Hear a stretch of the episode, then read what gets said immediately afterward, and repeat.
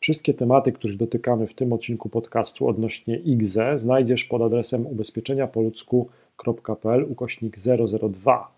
Tam też znajdziesz formularz kontaktowy. Jeżeli chcesz dowiedzieć się więcej o IGZE i otrzymać pomoc doświadczonych doradców ubezpieczeniowych, wypełnij ten formularz. Na pewno doświadczeni e, eksperci Ci w tym pomogą.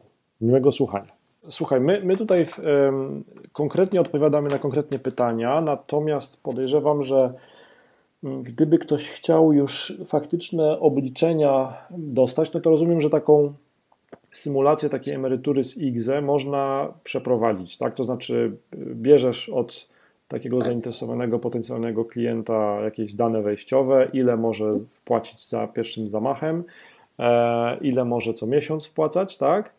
I potem ty taką jakby symulację możesz przeprowadzić. Dobrze mówię? Tak, tak, można taką symulację przeprowadzić, aczkolwiek to zawsze będzie tylko symulacja, tak? Jasne. No, na pewno takimi danymi, danymi, e, danymi początkowymi, które, które potrzebujemy, to jest na pewno wiek, e, wiek klienta, dlatego że to w dużym stopniu determinuje to, jak długo będziemy oszczędzali. E, drugim, drugim parametrem jest to, ile klient faktycznie chce odkładać na takie IGZE, czy IKE, czy jakikolwiek inny produkt. E, trzecie jest to, e, jakie ma, jaką ma wiedzę na temat finansów i skłonność do ryzyka. E, dlatego, że, e, dlatego, że jeżeli ktoś ma niedużą wiedzę i ma małą skłonność do ryzyka, to będzie, będziemy dla niego przygotowywali rozwiązania właśnie oparte na takich bezpiecznych produktach, tak. chociażby e, fundusze obligacyjne, tak, które zwykle wiążą się z mniejszym, mm, z mniejszymi zyskami rok do roku.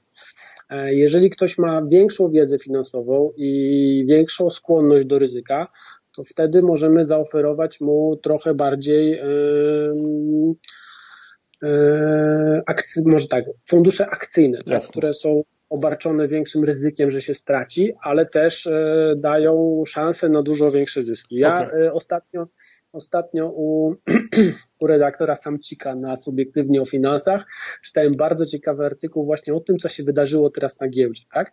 I zwraca uwagę na to, że większość z nas kupując jakiekolwiek produkty, to chce je kupić w promocji, tak? Chciałby tak. kupić telewizor, jak jest promocja, kupimy taniej, chciałby kupić pralkę, lodówkę, nie wiem, samochód w promocji, tak? To, co się teraz wydarzyło na giełdzie, czyli te spadki tam sprzed 3-4 tygodni rzędu 30%, to jest właśnie taka promocja, tak?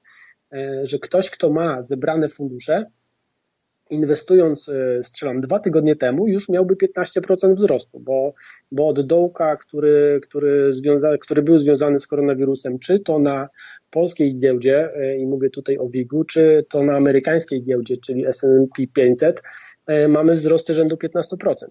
Jasne. E, I ciężko przyzwyczajać się do takiej myśli, że to tak będzie co, co tydzień, bo nie będzie. E, warto brać pod uwagę też to, że, że być może przyjdzie druga fala kryzysu i te, i te akcje dalej pójdą w dół, tylko że też warto brać pod uwagę, że oszczędzamy na IGZE czy IKE w długim okresie, tak? Jasne. E, fajnym rozwiązaniem też jest to, żeby przeznaczać regularnie co miesiąc, czy nie wiem, co kwartał, taką samą równą kwotę kwotę pieniędzy na to, żeby inwestować, bo wtedy, jeżeli jest, mm, jeżeli jest załóżmy krach na giełdzie albo jakieś spadki, to my za tą kwotę kupujemy więcej akcji, bo są tańsze. Okay. Jeżeli z jakiegoś powodu te e, na giełdzie są bardzo duże wzrosty, to my kupujemy tych drogich akcji mniej. Tak, więc, e, więc polecam takie rozwiązanie, jak właśnie regularne oszczędzanie takiej samej kwoty. Dobra.